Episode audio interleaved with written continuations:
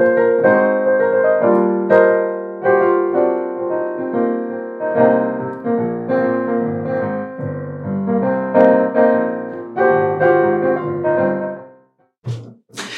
dobry.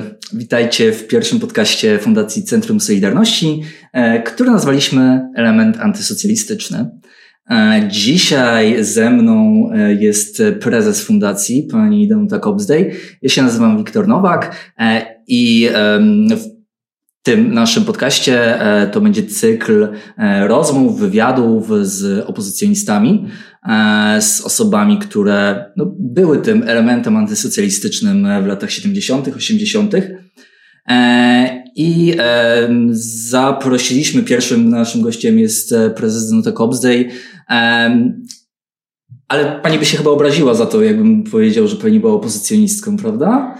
No tak, bo, bo, bo opozycjonistką rzeczywiście nie byłam. Raczej w pewnym momencie mojego życia weszłam w środowisko osób, które były bardzo zaangażowane, no właśnie, które były anty, anty temu systemowi.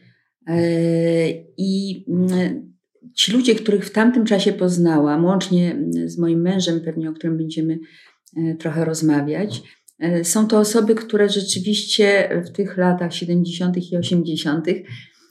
reprezentowały wówczas młode pokolenie mhm. 18, 20, 20-parolatków, e, osób, które e, no, w sposób aktywny zaangażowały się w działania przeciwko e, machinie komunistycznej. Były to osoby, które oczywiście na początku, jako młodzi ludzie, poprzez jakieś drobne różne działania występowali przeciwko mhm. temu systemowi E, czuli się niewolni, e, więc, więc e, no, jakby to, to też spowodowało, że postanowili zacząć działać. Mhm. O tę motywację jeszcze, jeszcze później będę pytał, ale z racji tego, że Pani też będzie prowadziła te, te wywiady i że to jest wspólne przedsięwzięcie fundacji, chciałbym się zapytać tak naprawdę po co to robimy? To znaczy, te historie, jakby opozycjoniści, e, książki o nich powstały, e, filmy dokumentalne czy niedokumentalne e, i tak naprawdę bardzo dużo o tych czasach ci ludzie już powiedzieli. Co oni nam więcej powiedzą w podcastach? No tak, no akurat te osoby, z którymi będziemy rozmawiać, to, to będą osoby, których, o których właściwie nie słyszeliśmy w dużej części. Mhm. Oczywiście będą takie, które znamy, no między innymi Bogdan Borusewicz czy Jerzy Borowczak, czyli to są osoby, które bardzo mocno kojarzą się z mhm. rokiem 80.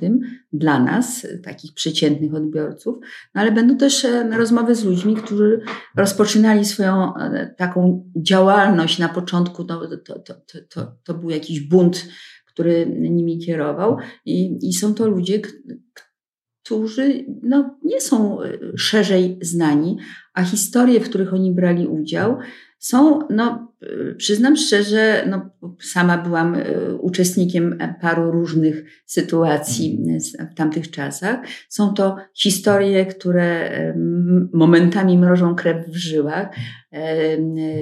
Czasami są, e, były takie bardzo, bardzo sytuacje, w których oni się znajdowali, były, były sytuacjami komediowymi albo wręcz groteskowymi i, i szczególnie jak to się, na to się patrzy z perspektywy mhm. dnia dzisiejszego. Także myślę, że warto o tym, e, o tym opowiedzieć, dlatego że, że ta cała droga do wolności e, no, miała swoje takie jakby różne strony. Nie zawsze był sukces i nie zawsze mhm. one, te akcje, które, w których oni brali udział, nie zawsze kończyły się sukcesem. Wręcz przeciwnie, było bardzo dużo sytuacji, które nie skończyły się dla nich źle, e, dobrze, przepraszam. Mhm. No ale, ale właśnie e, po to tu między innymi jesteśmy, żeby opowiedzieć takie krótkie fragmenty z ich e, życia opozycyjnego, które bardzo mocno mieszało się z życiem prywatnym.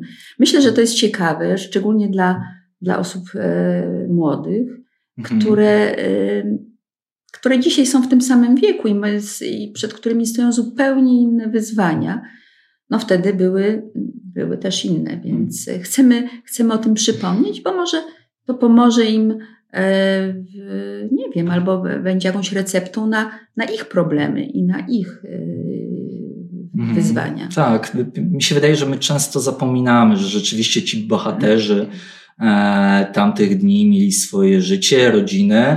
E, te rodziny to w jakiś sposób e, przeżywały, było im ciężko, e, ale też, że poza tymi heroicznymi sytuacjami wiele rzeczy się nie powiodło, ale bo było właśnie, tak jak pani mówiła, komediowe albo, albo z nutką kryminału. No właśnie. Trudne, nieraz trudne, trudne nie mhm. do przejścia. Więc... Tak, tak.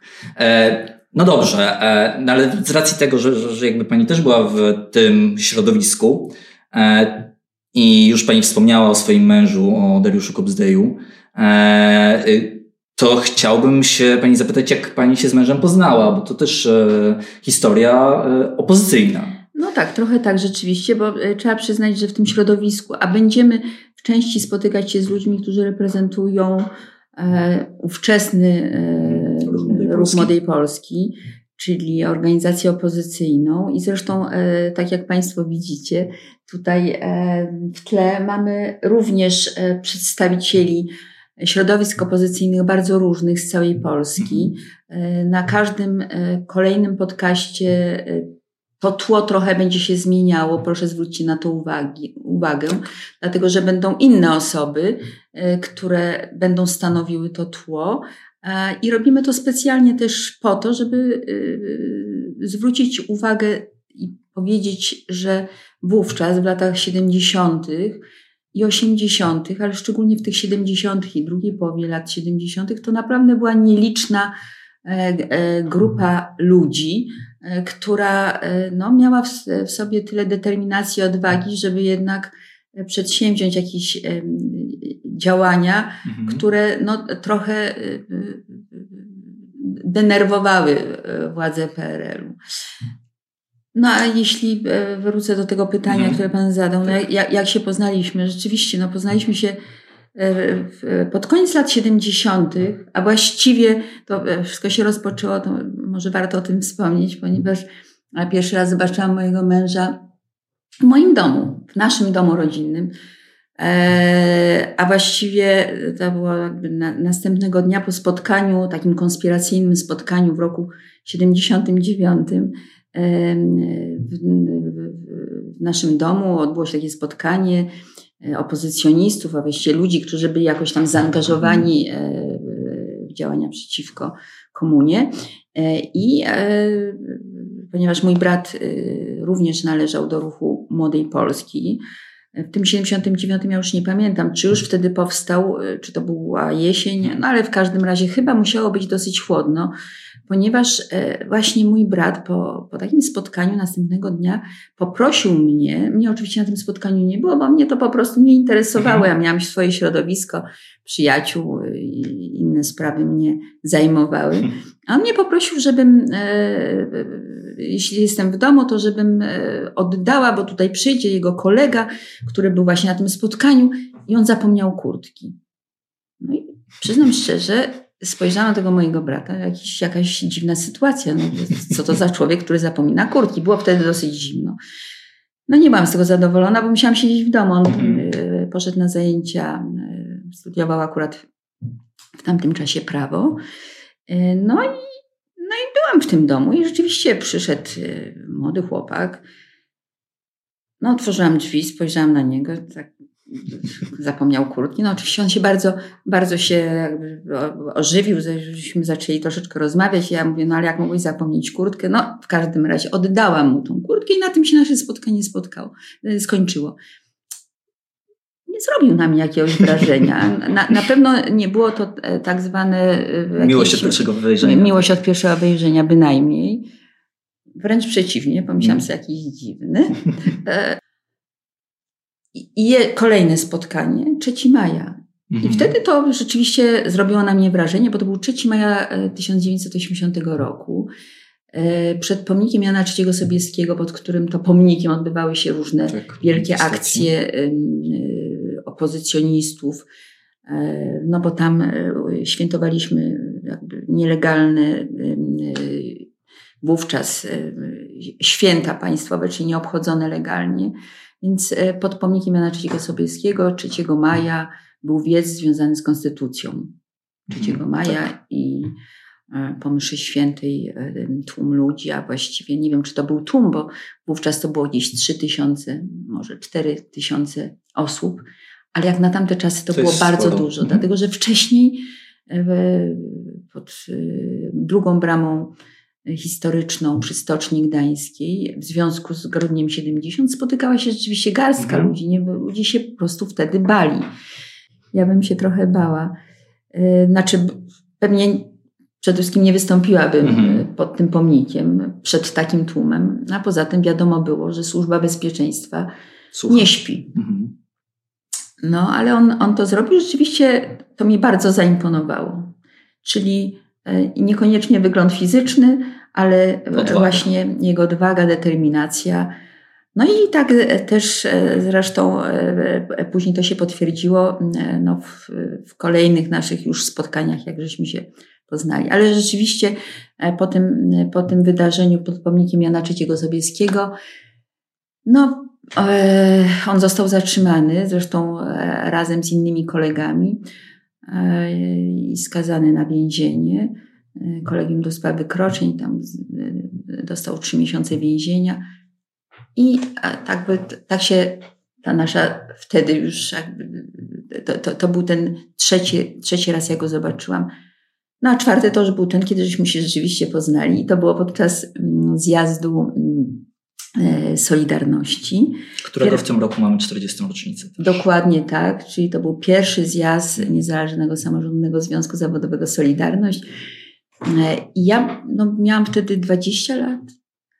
Brałam udział, czy 21, Y, jak sobie tak policzę, mhm. ale to może o, o, tym nie musimy mówić, ile dokładnie ja miałam lat, ale rzeczywiście byłam młodą dziewczyną i no, ja chciałam się jakoś zaangażować, bo wtedy no to już, już to było przecież po podpisaniu porozumień sierpniowych, więc wszyscy byliśmy e, o wiele bardziej odważni. Ja mhm. przynajmniej byłam tak. bardziej odważna i, i wtedy chciałam też już coś robić i rzeczywiście zostałam zaangażowana do organizacji e, pierwszego zjazdu Solidarności, z czego się bardzo ucieszyłam. No i e, on się na tym zjeździe pojawił. Mhm. Ale oczywiście o tym nie myślałam i wcale. To nie było najważniejsze. To, to, to, to w ogóle nie, nie, nie, nie myślałam o tym, ale rzeczywiście on się znalazł na tym zjeździe jako gość zjazdu, no bo wiadomo, że zjazd był dla delegatów Związku Zawodowego Solidarność. A on tam był jako e, przede wszystkim e, przedstawiciel ruchu Młodej Polski, ale też e, jako lekarz. I zdaje się, że właśnie wówczas on też ochraniał ten zjazd jako jeden z lekarzy. Pracujących tam, a właściwie no, przebywających podczas tych, tych kilku dni pierwszej tury i drugiej. No i właśnie wówczas już może w szczegóły nie będę wchodziła, ale rzeczywiście wtedy przy jakiejś, e, w jakimś tam momencie podszedł do mnie, zaczęliśmy rozmawiać, no bo, bo, bo już się znaliśmy mhm. przecież wcześniej. Tak. A ja go znam już bardzo dobrze, bo przecież widziałam go pod tym pomnikiem Jana III. Także, także tak, żeśmy się właśnie poznali. No i się rozpoczęła, rozpoczęły się randki, jak to wiadomo. No ale te randki niestety nie za długo trwały, bo tylko trzy miesiące.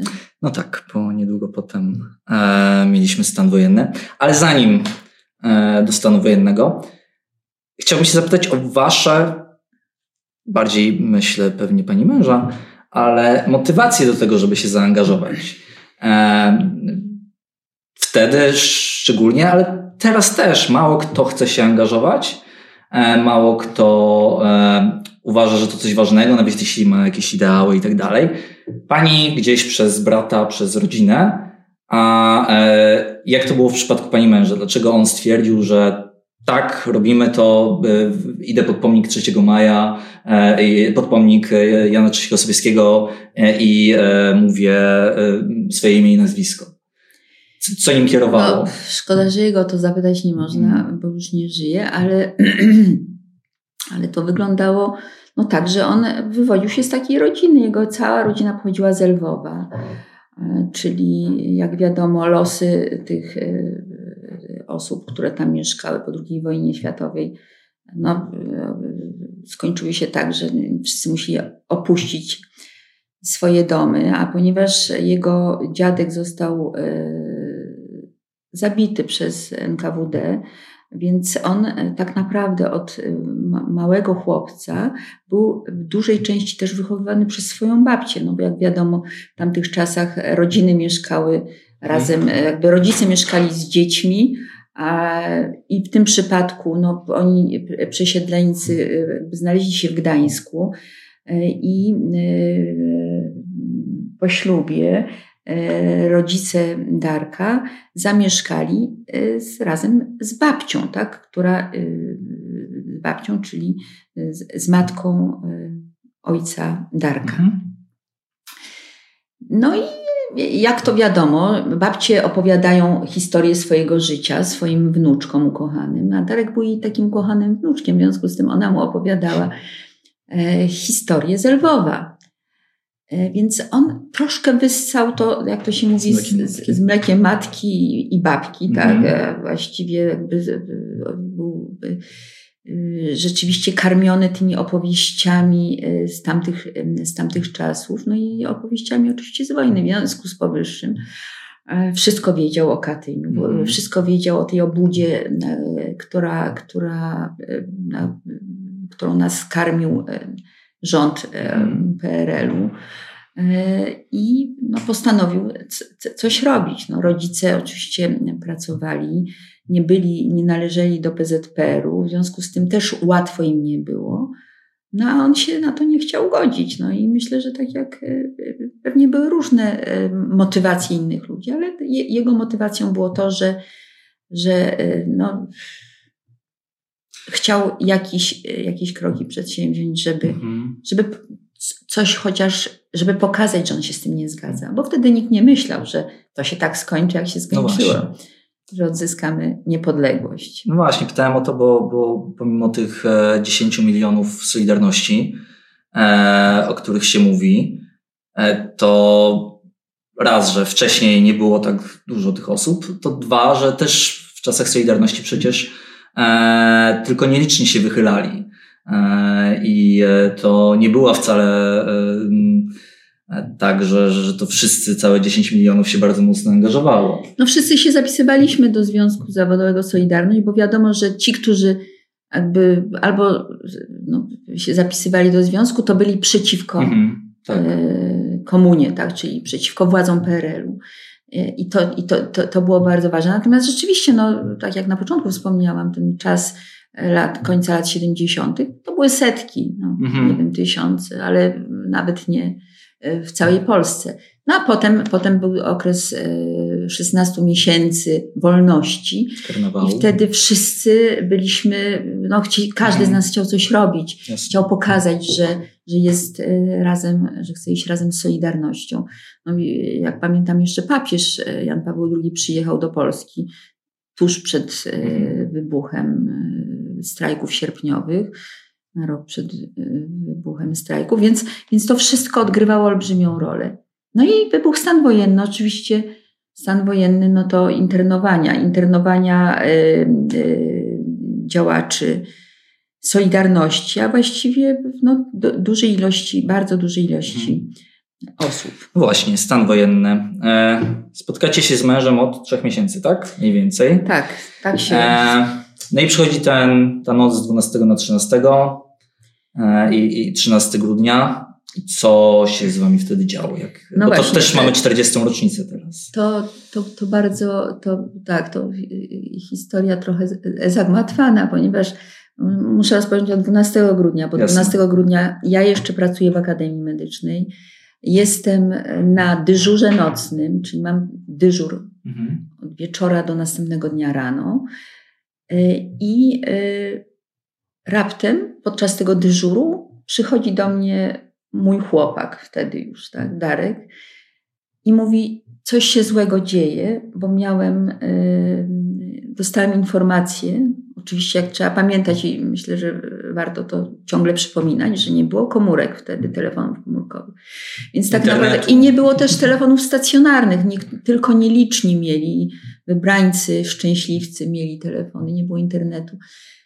Więc ta informacja roznosiła się pocztą pantoflową. No i do mojego wtedy właśnie chłopaka dotarła informacja, właściwie już narzeczonego, bo on mi się bardzo szybko oświadczył, bo dwa tygodnie po naszej znajomości. On, on mi powiedział, że, że, że dostał informację, że podejrzanie jest dużo na ulicach zomowców. Mhm. Pojawili się milicjanci, zomowcy, no w każdym razie to, było już, to był już wieczór, bo się, trzeba też podkreślić, to był wieczór 12 grudnia. I że e, dostał informację, że nie ma przychodzić na imieniny do swojego przyjaciela, bo normalnie tego dnia to były imieniny Aleksandra. Mhm. Aleksandra Hala, który był liderem ruchu Młodej Polski. No i oczywiście u niego w mieszkaniu rokrocznie odbywały się wielkie towarzyskie imprezy, na których spotykała się, no, tak, no, można powiedzieć, elita opozycyjna wtedy, tak? Czyli wszyscy ci młodzi ludzie, którzy byli zaangażowani w, no, w mhm, działalność mhm, opozycyjną. Tak, tak. No i powiedział, no, nie możemy, nie możemy, nie, nie mogę tam pójść, bo wiem, że e, Coś pod domem stoi służba bezpieczeństwa. No i jak stoi pod jego domem, pod, e, jeśli służba bezpieczeństwa stoi pod domem Aleksandra Hala, to też bardzo prawdopodobne, że stoi pod moim mhm. domem, czyli pod, e, no, on to mówił, czyli pod e, domem Kobzdejów. W związku z tym mówi, wiesz, to ja posiedzę trochę tutaj, Przyszedł jeszcze jego kolega i ten kolega, ponieważ on był trochę mniej zaangażowany, trochę mniej, mniej e, znany mhm. E, bezpiece, no to ustaliliśmy, że, że, że on będzie chodził po Wrzeszczu, ponieważ Akademia Medyczna jest między Wrzeszczem a Politechniką i zobaczy, co się dzieje. No i potem będziemy podejmowali decyzje. No ja miałam dyżur, więc ja byłam w pracy. No a on czekał. I się okazało, że jest, e, że jakby przyszedł z wiadomością, że chyba źle się mhm. dzieje. Dalej nie wiedzieliśmy co, ale powiedział, że jest pacyfikacja y, siedziby Solidarności na ulicy Grunwaldzkiej. Mhm. No i wtedy żeśmy się trochę przestraszyli, że no, jednak władza nie pozwoli się, nam, tak. rozprawi się z, Solidarnością. No, przyznam szczerze, no, rozpoczęła się dyskusja, no bo oprócz nas jeszcze były mm, inne osoby ze służby zdrowia, które uczestniczyły w tym spotkaniu. No i wówczas Darek postanowił, że musimy wyjechać z Gdańska. Że trzeba, trzeba wyjechać z Gdańska, no bo właściwie nie mieliśmy co zrobić. On nie chciał, żebym ja wracała do domu, bo bał się o mnie.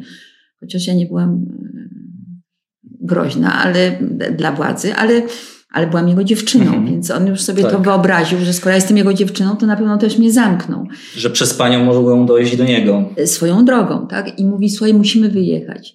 No ja oczywiście byłam przeciwko temu, ponieważ było bardzo zimno, była noc, ja byłam w pracy i w zasadzie no, opuszczam mhm. stanowisko pracy, tak? A nadal decyzja, nie wiecie, co się dzieje. A dalej nie wiemy, co się dzieje. Wiemy tylko, że jest dużo ZOMO, bo już wtedy on przyszedł i powiedział, jest bardzo dużo y, ZOMowców na ulicach. Więc, więc no, podjęliśmy decyzję, właściwie on tą decyzję podjął, a ja grzecznie y, mhm. poszłam za nim, zakochana.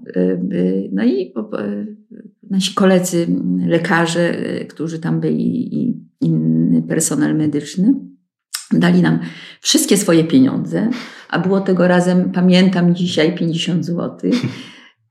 No i że weźmiemy taksówkę. Przy Akademii mhm. stały, był postój taksówek, że musimy taksówką wyjechać z Gdańska i zdecydowaliśmy razem z tym kolegą, że on z nami pojedzie, on się nazywał y, Zdzisław Kamiński, że pojedziemy, y, no gdzie, no bo nie mamy gdzie za bardzo mhm. pojechać, no to może pojedziemy do jego rodziców, a jego rodzice A dlaczego taksówką? Nie, nie pomyśleliście o autobusie prędzej? Baliśmy się. Mhm. Baliśmy się, że jak wsiądziemy do autobusu, no to, to, to, to, to po pierwsze, no to jest komunikacja miejska, publiczna, no, że, że, że ktoś nas zatrzyma. Mhm. Darek wtedy już był bardzo nielubiany przez Służbę Bezpieczeństwa i był znany. I no baliśmy się, no mhm. baliśmy się, no, może niepotrzebnie, ale baliśmy się.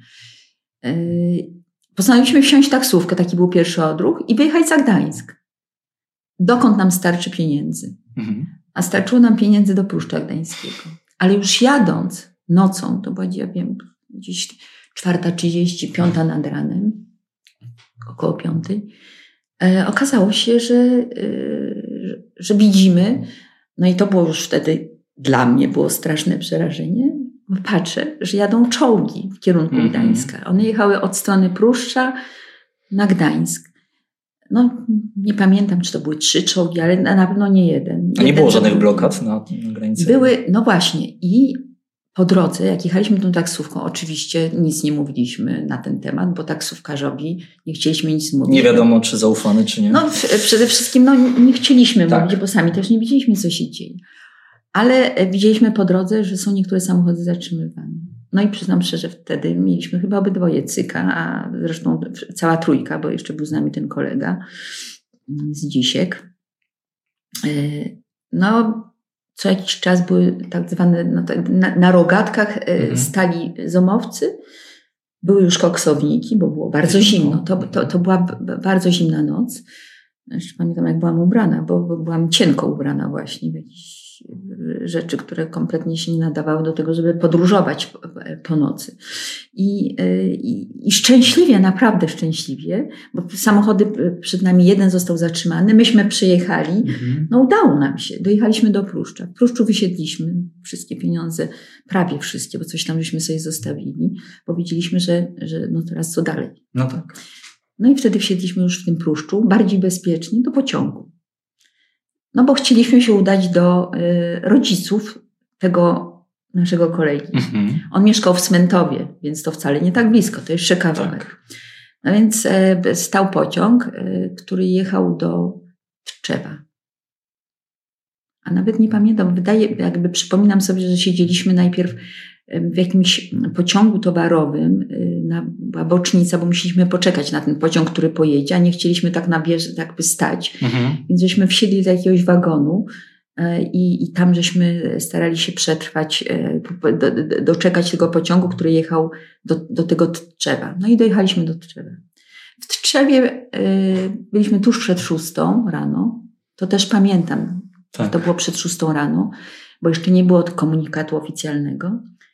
I y, Darek powiedział: Słuchaj, chodź, pójdziemy do kościoła. Chodź, pójdziemy do kościoła i do proboszcza. Pójdziemy i powiemy, co się dzieje mhm. w Gdańsku. No i tak zrobiliśmy. Poszliśmy do tego kościoła, ale w tym kościele ten proboszcz się przygotowywał, czy tam, no nie wiem, czy to był proboszcz, ale w każdym razie ksiądz się przygotowywał do mszy pierwszej, porannej. Jak nas zobaczył, to przyznam szczerze, jak żeśmy mu powiedzieli, co się dzieje, to on się wystraszył. I pomyślał sobie, że jesteśmy jacyś albo nasłani. E, albo On pomyślał, że my, jesteśmy, że my jesteśmy albo z bezpieki, mhm. albo no, nie wiedział, kto my jesteśmy, nie tak. znał naszych nazwisk. Tak? E, I powiedział, no, że on teraz się przygotowuje, że on nie ma czasu, bo myśmy nawet też chcieli trochę, może u niego jakieś mhm. schronienie. No i wtedy stwierdziliśmy, że nie ma co, idziemy dalej. Więc pojechaliśmy dalej autobusem mhm. z Tczewa, autobusem do Smentowa. Był taki kurs. I w tym autobusie wybiła godzina szósta. A jak to wiadomo, kierowca w autobusie słuchał radia i wszyscy słyszeli radio. I wtedy usłyszeliśmy komunikat. No i przyznam szczerze, to już wtedy mi bardzo było, bardzo, bardzo się zdenerwowałam, co dalej. I wiedziałam już, że na pewno tego samego dnia nie wrócimy. Oczywiście pomyślałam o swoich rodzicach. I co powiedzą rodzice, ja nie wrócę mhm. do domu. No ale pojechaliśmy dalej, no bo już w zasadzie nie, nie było wyjścia. Y, tym autobusem dojechaliśmy do Smentowa. Tam przyjęła nas y, wspaniale mama y, naszego kolegi. Ogrzaliśmy się, dostaliśmy pyszną zupę, pamiętam. I, I tak się rozpoczęło nasze ukrywanie. A właściwie ukrywanie mojego męża, bo ja się ukrywałam raptem trzy dni. Ale to były trzy dni bardzo, bardzo trudne, no bo, bo ja wiedziałam, że ja nie, przecież nie będę siedziała, no bo mi nic nie grozi. Mhm. No ale ten pierwszy i drugi dzień jeszcze nic nie było wiadomo, no bo tak. to tylko tyle, że jest ogłoszony stan wojenny. W związku z powyższym e, no, stwierdziliśmy, że to też jest niebezpiecznie, wszyscy w trójkę, siedzieć u tego kolegi, no bo on też był z tych kręgów opozycyjnych, też z ruchu Młodej Polski, że nie daj Boże, tam zostaniemy złapani. No, A nie znaliście listy internowanych? No nie, w ogóle nie mhm. wiedzieliśmy, że takie listy są, tak? tak. No mogliśmy się tylko domyślać, że pewnie jest jakaś lista ludzi. No i wtedy y, y, był taki pomysł, ja na niego wpadłam, nie wiem, czy dobry pomysł, pojechać do Pelplina, bo tam y, do siedziby biskupów, ale to tylko dlatego, że biskupem pomocniczym był wujek mojej najbliższej przyjaciółki. I pomyśleliśmy, pojedziemy sobie do tego Pelplina i może oni nam pomogą jakoś, mhm. co mamy dalej robić. Albo żeby nas gdzieś, gdzieś ukryć. ukryć.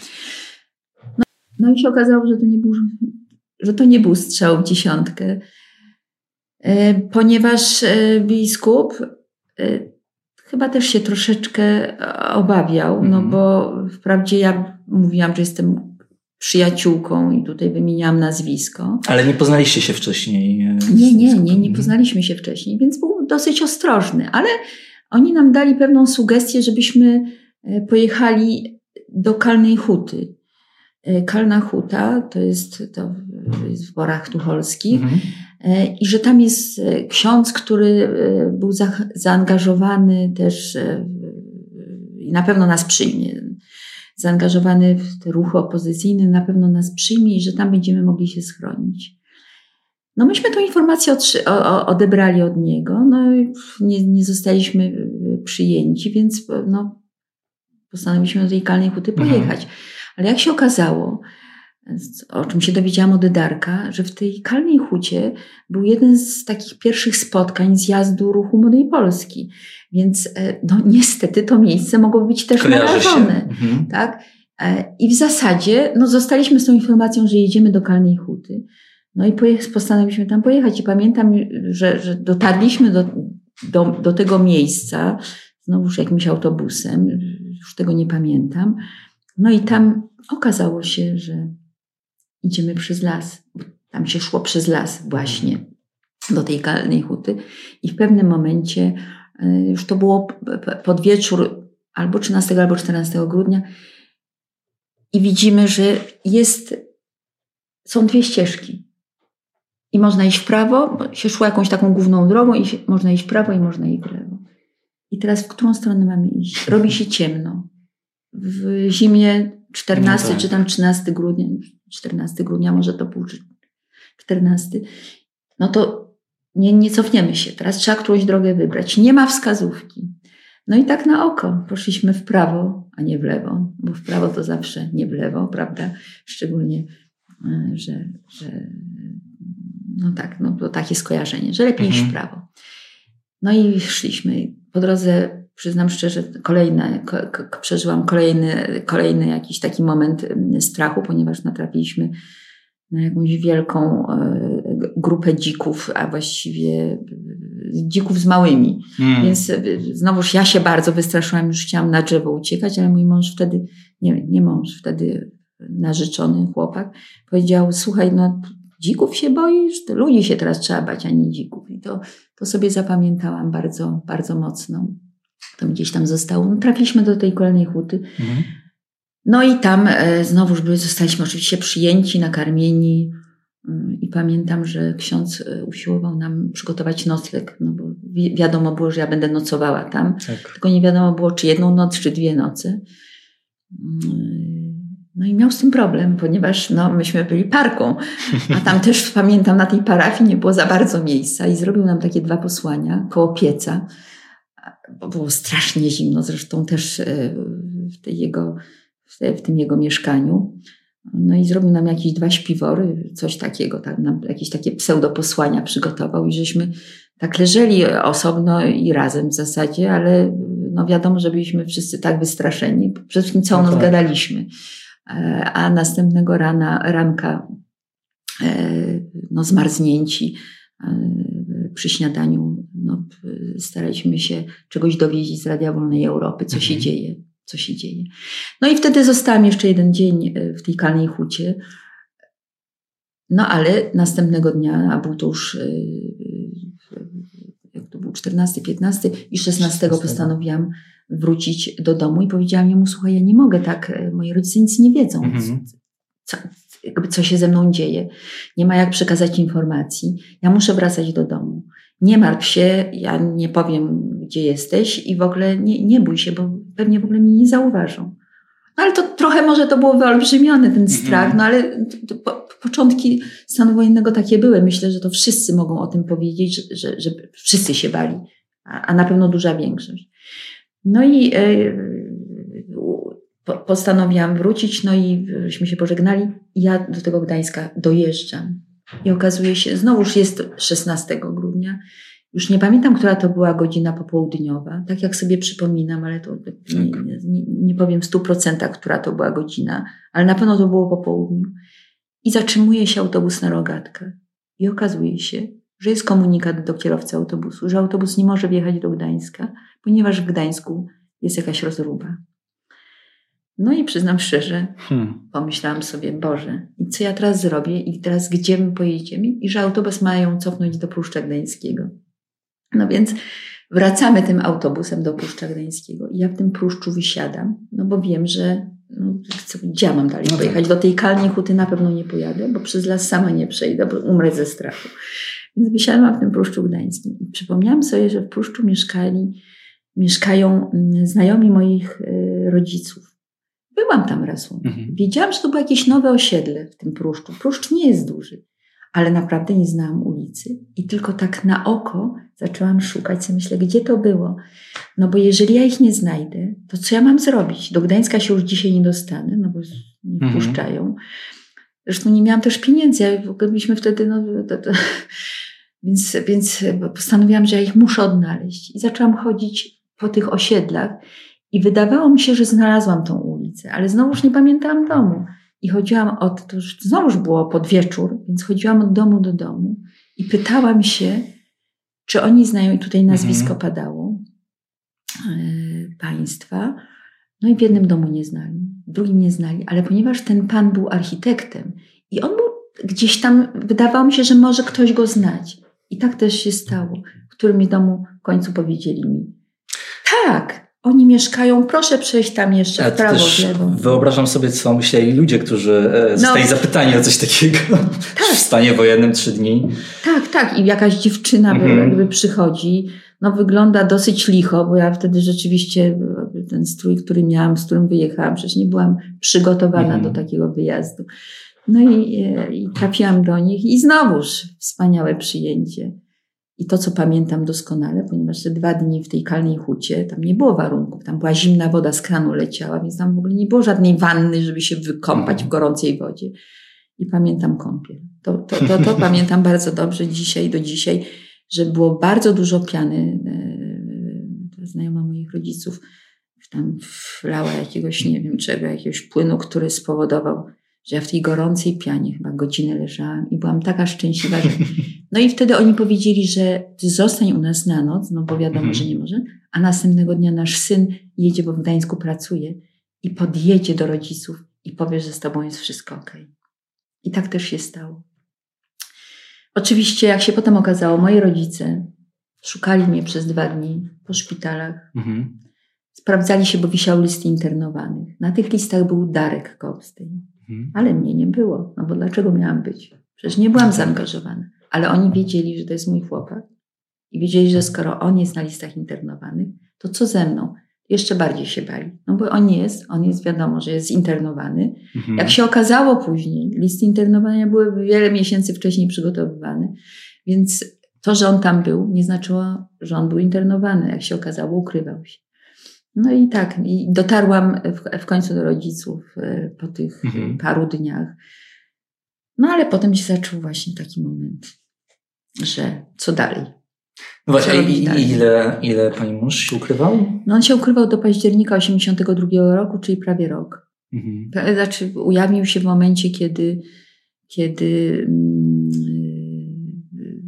już właściwie była y, Stan wojenny został zawieszony w, mhm. oczywiście od 1 stycznia 1983 roku już był zawieszony, ale y, już od maja 1982 roku y, było takie odprężenie, to znaczy rozluźnienie mhm. Y, i internowani powoli byli, już zostali, byli zwalniani z obozów internowania. I tak samo był komunikat, że ci, którzy się ukrywają, mogą się ujawnić i jakby nie, nie, nie będą represjonowani, nie nie będzie żadnych konsekwencji. Mhm. Także on się, on się ukrywał no, 8 miesięcy. I to było takie 8 miesięcy bardzo trudne dla niego. A dla mnie w jakimś sensie też, no bo myśmy się chcieli widzieć, a poza tym ja widziałam, że ja jestem jedynym kontaktem między nim a rodziną, między nim a innymi kolegami z mhm. Młodej Polski. Czyli, Czyli byłam, byłam, byłam taką mhm. osobą, tak, która, która przyno, przywoziła mu informacje o tym, co, co się dzieje w Gdańsku. Mhm. Oczywiście on tam 8 miesięcy na Kociewiu nie, nie, nie przybywał, bo, bo to jest też istotne, że on oczywiście w tej Kalnej Hucie był tylko parę dni, ponieważ e, no, to jest dalsza historia. Właściwie nie wiem, czy mam o niej opowiadać, ale tam się pojawiło niestety e, ZOMO w tym, w tym e, mhm. Mieszkaniu. On już oczywiście oni wtedy wymyślili wcześniej, jeszcze za, podczas mojego pobytu, była rozmowa, że a gdyby ktoś się pojawił, to czy, ma, czy on ma jakiś schowek, czy gdzieś się możemy ukryć. I rzeczywiście takie, takie miejsce tam się na tej parafii znalazło. I Darek wiedział, że gdyby było jakieś pukanie do drzwi, że szybko musi się schować. I była taka wizyta. I po tej wizycie, ona oczywiście się skończyła dobrze, bo to była szukali... wioska kogokolwiek, czy szukali Nie, bo tam każda osoba w takiej wsi, to jak się pojawia osoba obca, mhm. tam nie mógł wychodzić, tak, ale jak się pojawia osoba obca, to momentalnie no, ludzie ze wsi są różni. No okazało się, że y, ksiądz Szarowski, Stanisław Szarowski y, w Karnej Hucie też był nacenzurowanym y, i niestety okazało się, że po pierwszej wizycie zomowców Darek musi wyjechać. No i pojechał wtedy do Starogardu, ale to już dzięki kontaktom księdza. Mhm trafił e, do kolejnego mieszkania. Mm, tam był krótką chwilę i potem został przetransportowany. Oczywiście, jak się można domyślać, wszystko się działo konspiracyjnie, więc ileś osób było w to zaangażowanych. E, został przetransportowany do Godziszewa. No, to jest e, na drodze do Starogardu Gdańskiego, mhm. czyli jest to Kociewie, region Kociewia. I tam właściwie był parę miesięcy zanim nie przyjechał do Gdańska. Ale ten okres na Kociewiu był bardzo, bardzo bogaty i pamiętam e, w różne wydarzenia oczywiście, ale... Tam pamiętam, też na plebanii? E, czy... Nie, nie, no więc się okazało, że on trafił oczywiście na plebanie, ale tylko po to, żeby ksiądz, e, już dzisiaj też nieżyjący świętej pamięci ksiądz proboszcz Cyrkla, bardzo odważny człowiek również, z pięknym życiorysem, E, on postanowił e, znaleźć osoby, i znał zresztą bardzo dobrze osoby z, z pobliskich e, wiosek, które na pewno jego przyjmą. Mhm. I które są, no wiadomo, mają jakiś życiorys. I tak też się stało. Najpierw trafił do jednej wioski, potem trafił do drugiej wioski. Oczywiście zawsze były jakieś takie sytuacje nieprzewidziane, które się pojawiały pomiędzy e, tymi mhm. pobytami, że no, jedne miejsce musiał opuścić, ponieważ pojawiła się tam jakaś rodzina, przyszła e, i była zdziwiona, że jakiś kolega e, ich córki hmm jest sam, a córka, a córka jest w Lublinie na mhm. przykład, bo córka studiowała w Lublinie, więc by to już był taki pretekst, żeby, y, czy pretekst, no właściwie pre, prewencja, żeby, żeby prewencyjnie go jednak gdzieś dalej przenieść. Mhm. Na szczęście te adresy, te adresy e, były, więc e, Darek mieszkał rzeczywiście w paru różnych miejscach.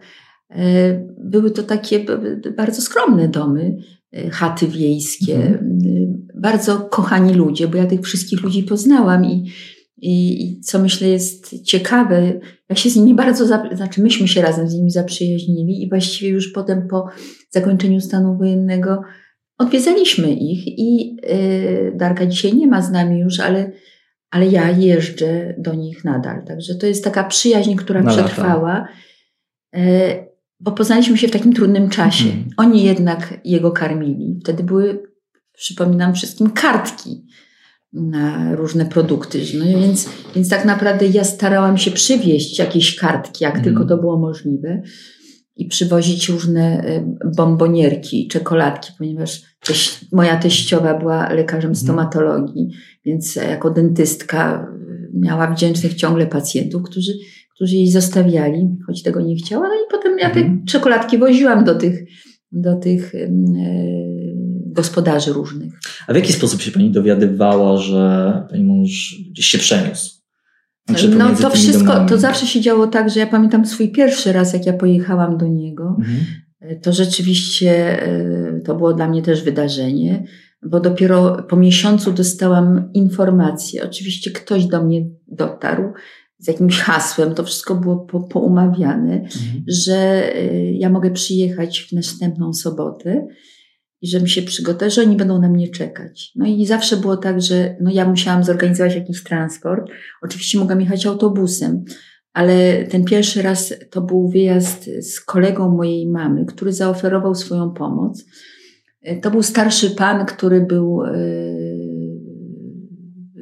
kiedyś e, działał w szeregach Armii Krajowej, mhm. więc taki e, konspirator i w ogóle jak wsiadłam do niego, do jego malucha, bo jechaliśmy maluchem, Fiatem 126P, to pamiętam, że pierwsze, że on mi powiedział, mówił do mnie na pani oczywiście, już miałam w końcu te 20 lat skończone, 22 lata. I on do mnie mówi, proszę pani, ale proszę mi nie mówić, miejsce, w, której, w którym mieszka pani mhm. chłopak, niech mi pani powie, gdzie mam się zatrzymać. Tylko najlepiej, żeby to było trochę dalej albo trochę bliżej tego miejsca.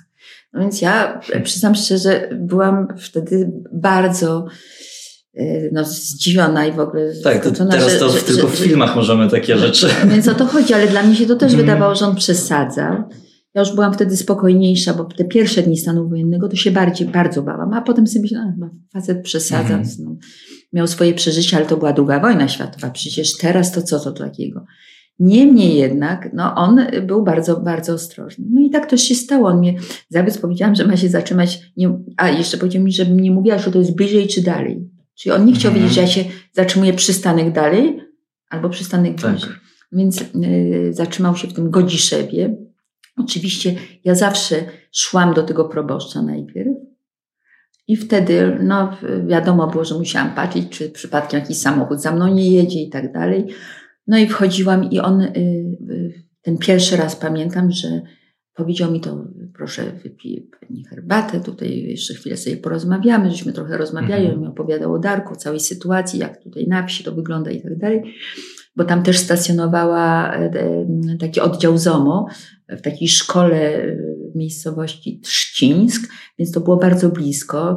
Tam zresztą była jakaś wieża telewizyjna, której oni bronili, żeby tam ktoś nie nadawał mm. komunikaty, więc, więc to wszystko było obstawione. Więc tak naprawdę tam też aż tak bardzo bezpiecznie nie było. Poza tym, jak wiadomo, na wsi nie wolno było no, Darkowi wychodzić na zewnątrz, w ciągu dnia, no bo każda osoba była zauważona, tak. czyli mógł chodzić na spacery tylko nocą, co było dosyć, no, utrudniało takie normalne życie. No i, no i w końcu właśnie ten pierwszy mój wyjazd do Darka po tym miesiącu, on mówi do mnie, wie, wie pani to, niech się pani nie przyjmuje, ale ja tutaj poprosiłem takiego naszego parafianina, on panią zawiezie motorem. No więc jak mi ksiądz powiedział proboszcz, że mi jakiś mhm. chłopak będzie woził motorem, sobie myślałem, no to pewnie jakiś porządny.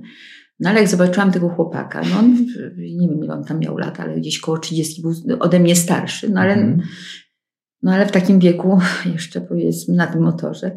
Wsiadłam z nim na ten motor no i on zaczął ze mną jechać. Oczywiście ten proboszcz musiał mu powiedzieć, żeby on też jechał jakoś tak dookoła, mm. chyba żeby tu nie jechać tak po, po, wprost. I pamiętam, że jechaliśmy przez las i wtedy sobie pomyślałam, że w sumie siedzę na motorze jakiegoś faceta, którego nie znam. Wiem, że miał na imię Marian. Jadę do mojego ukochanego. No i dojechałam, ale szczęśliwie dojechałam do niego. No, oczywiście pamiętam bardzo dobrze to pierwsze spotkanie z gospodynią, y, z jej mężem. Bardzo to było wzruszające. Ja przyjechałam wtedy, pamiętam, właśnie z tymi czekoladkami. Nawet chyba miałam jakąś butelkę koniaku dla tego gospodarza, żeby tak y, się wkupić. Y, jakieś tam kartki żywnościowej. No i tak? Spotkaliśmy się wtedy pierwszy raz po miesiącu. E, tak, to było gorące spotkanie, bo to było pierwsze po miesiącu. Mm. A w końcu żeśmy byli taką parką jeszcze Świeżą. Świeżą, no bo tak, tak, jak powiedziałam. No a potem już te kolejne, kolejne, kolejne spotkania wyglądały w sposób podobny. Oczywiście jeździłam do niego raz w miesiącu, przywoziłam informacje od znajomych e, z opozycji, e, od różnych tam osób, ale też e, od rodziny i też rodzinę uspokajałam, czy jego mamy mm. i mhm. taty Zresztą ojciec jakby po tym wszystkim niestety miał zawał serca i też trafił do szpitala, więc tak się wydaje, ale rodzina, jego rodzina, czy jego rodzice w jednym dniu właściwie stracili córkę i syna, ponieważ córkę, która była w moim wieku i która była bardziej niż ja zaangażowana, internowano. Także ona trafiła do, do internatu najpierw w Strzebielinku, potem w Fordonia, a na koniec trafiła do Gołdapi. A, no, a Darek właściwie na początku rodzice nie wiedzieli, gdzie on jest, więc też myśleli, że jest internowany, bo na tych listach był. Więc bardzo to przeżyli. Także ojciec niestety y, wtedy miał chyba drugi zawał i trafił do szpitala i y, potem y, Darek bardzo się obwiniał za to, że, no, że stał się mhm. przyczyną właśnie te, te, tej tragedii. Na szczęśliwie on z, tej, z tego zawału wyszedł. Niemniej jednak myślę, że, że do tego stanu doprowadziła go też ta sytuacja, kiedy jego córkę, mm, czyli Darka siostrę, zabierali 13 e, grudnia z domu o godzinie prawie 12 w nocy. I kiedy matka chciała z nią wsiąść do samochodu, ją wyrzucono na śnieg i ona strasznie krzyczała, zresztą świadkami byli wszyscy sąsiedzi, no i tą, tą e, e, biedną Izę też wywieziono właśnie do nie wiadomo gdzie, bo to był 13 grudnia, tak, więc to był ten pierwszy dzień i znowu już było nie wiadomo gdzie. Ale to już jest inna mhm, opowieść. jasne. E, no i przyszedł ten październik 82 e, roku. Już wtedy trochę osób powychodziło z internatów e, i właściwie Aram Rybicki między innymi pamiętam, że wrócił i e, ogólnie w środowisku tak rozmawialiśmy między sobą, e, właściwie oni rozmawiali, mhm. ale ja byłam też świadkiem tych, tych, e, docierały do mnie te informacje, no, że trzeba się ujawniać. I ja to Darkowi powiedziałam i on już wtedy był oczywiście w Trójmieście, mhm. nie? Tam się gdzieś w jednym czy drugim mieszkaniu ukrywał. No ale tak na początku nie, nie było wiadomo, no, czy, czy oni nas nie oszukają znowuż, tak? Czyli, że tak. oni się ujawnią, a potem pójdą do mhm. więzienia. Mhm. Ale w końcu decyzja zapadła i 12, nie już nie pamiętam którego, ale któregoś października mm, on się ujawnił. No oczywiście była informacja w prasie. Do dzisiaj mam tą, tą krótką notatkę, że, że zjawił się na posterunku Milicji Obywatelskiej, bo tam trzeba było został mhm, podejść. Nie wiem, czy przesłuchany, no, nie, nie ale no w każdym ta, taka informacja w prasie się ukazała. Także koniec października e, już, już, już byliśmy razem. Okay. I zaczęła się proza życia, która też nie była łatwa, bo jak wiadomo do 89 roku jeszcze, no tak. jeszcze parę lat e, parę zostało. Lat to może kiedy indziej o tym, co było po, e, po ślubie do 89 roku. Bardzo dziękuję. Zapraszam.